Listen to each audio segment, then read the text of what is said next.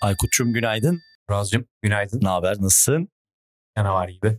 Bizim sabah rutinimiz bir bozuldu, bir toparlayamadık ama en azından birlikte yapıyoruz. Bu da bir başarıdır. E tabi abi yani. Günün Yani- sonunda yan yana yapabilmek şu kaydı da ayrı bir keyif yani. Aynen. Gerçi Emre Hoca arabayla işe giderken dinliyorum diyor. Onun bu keyfini birazcık ondan alıyoruz ama can sağlığı. Buradan Evet. da selamlar olsun. Bu ara omikron omikron derken işte biraz Evet, saatlerde, saatlerde bir biraz- etti. Hoş bizim omikron olduğumuzdan değil yani ama Evet abi herkesin birazcık saatleri şaştı.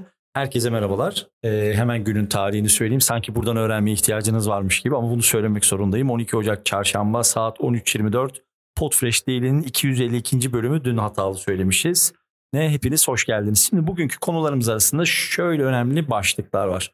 Bunlardan bir tanesi eminim abone olanlar, e-postalara ulaşanlar ulaşmıştır ama e, Spotify tarafında kapatılan bir stüdyo haberi ve global ölçekte Bloomberg tarafından yapılan bir haberde de geçtiğimiz yıl içerisinde podcast üretiminde bir yeni hitin doğmamış olması ile ilgili eleştirel bir yazı var. evet, İki doğru. tane konumuz var.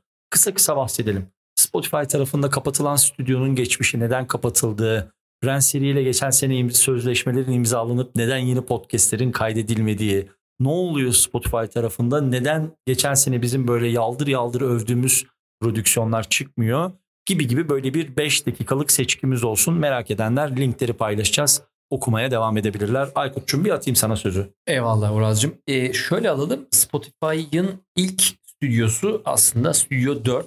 E, henüz daha yatırımlarını bu tarafta arttırmamışken işte 500 milyon dolarları yatırıp stüdyoları satın almamışken aslında kendi podcastlerin kaydı için Studio 4'ü kullanıyordu. E, içeride tabii kendi çalışanları var.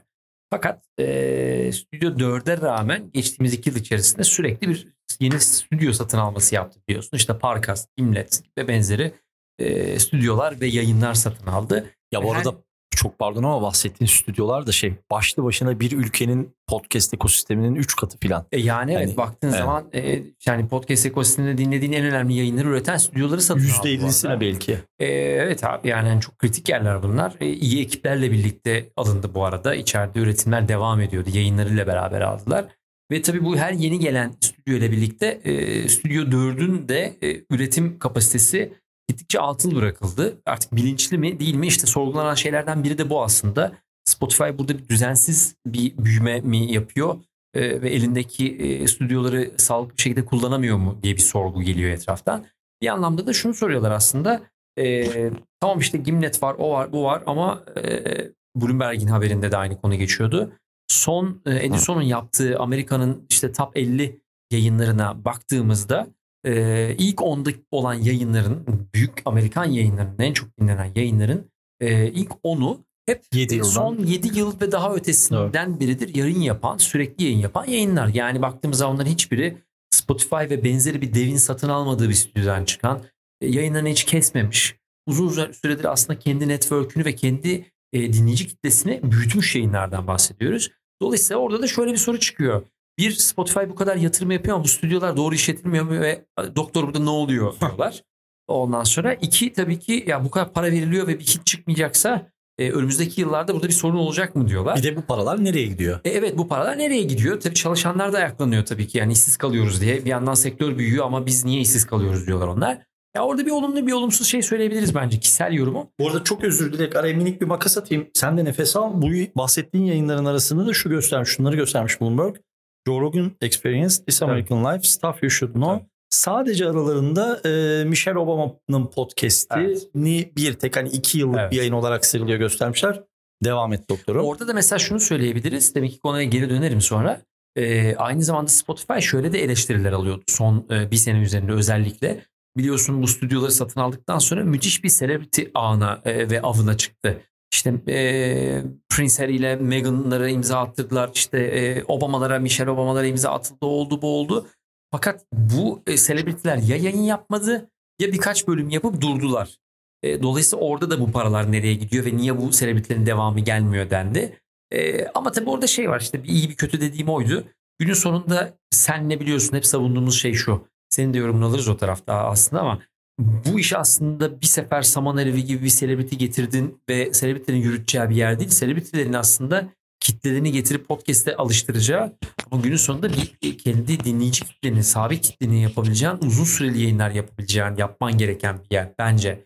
E, dolayısıyla o 7 yıl ve üzeri yayınlarını hala tutuyor olması ama selebritilerin yavaş yavaş nefesinin kesilmesi sebebi o. Çünkü kaç selebriti ne kadar daha podcast yapabilir?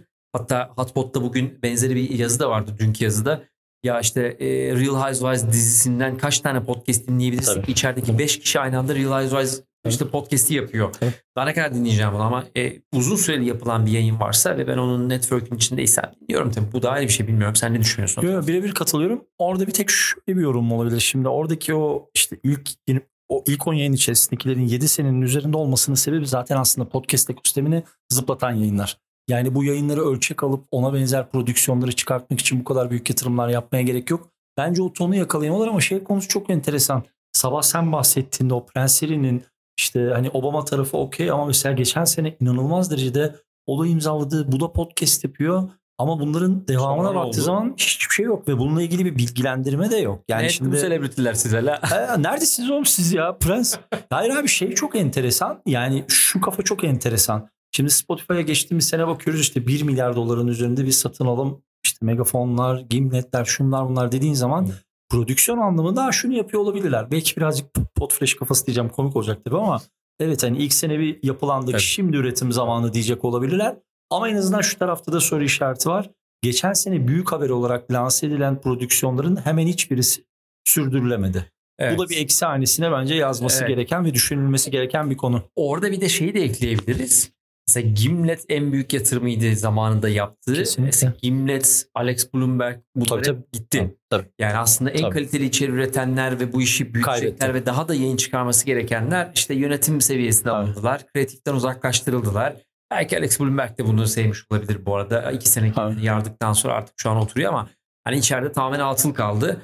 Dolayısıyla her yeni gelen stüdyoda bir şekilde atıllaşıyor.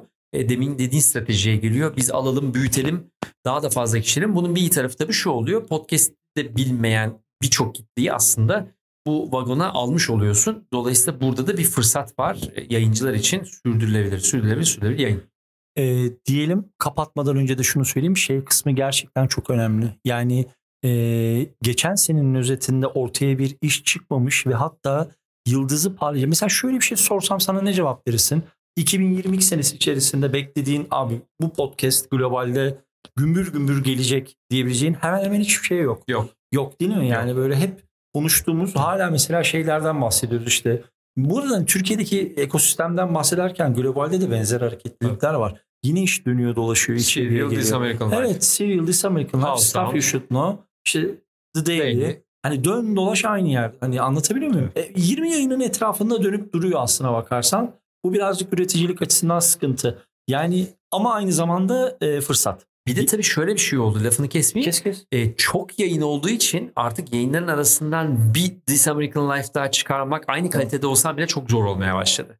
Hani onun arkasında ciddi bir pazarlama bütçesi lazım, ciddi bir ekip lazım. Aynı rakamlara ulaşabilmen, aynı dinleyici kitlesine ulaşman gittikçe daha zor. Çünkü aynı işi yapan birçok kişi olmaya başladı. Doğru. O da tabii işin başka bir sıkıntısı ama e, günün sonunda vaziyet bu yani. Yani YouTube çıktığında da yapılan yayın sayısı azdı E, ama ulaşan kişi azdı. Bugün milyarlarca kişi var, milyarlarca yayın var.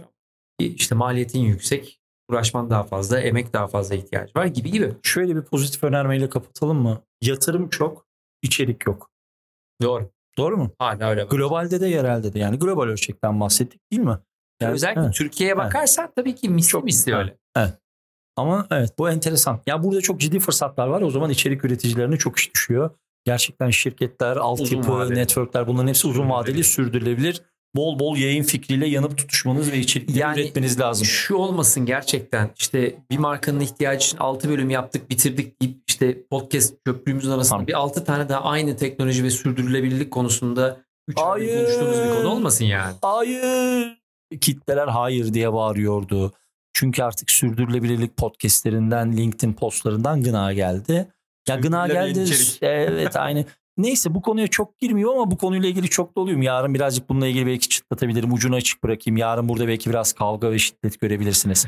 Aykut'cum var mı ekleyeceğim bir şey? Canım sağ. Tamamdır. Öpüyorum seni. Yarın sabah umuyorum saat 10'da ama çok büyük ihtimalle yine öğlen saatlerinde görüşmek üzere diyorum. Öpüyorum seni. Görüşmek üzere.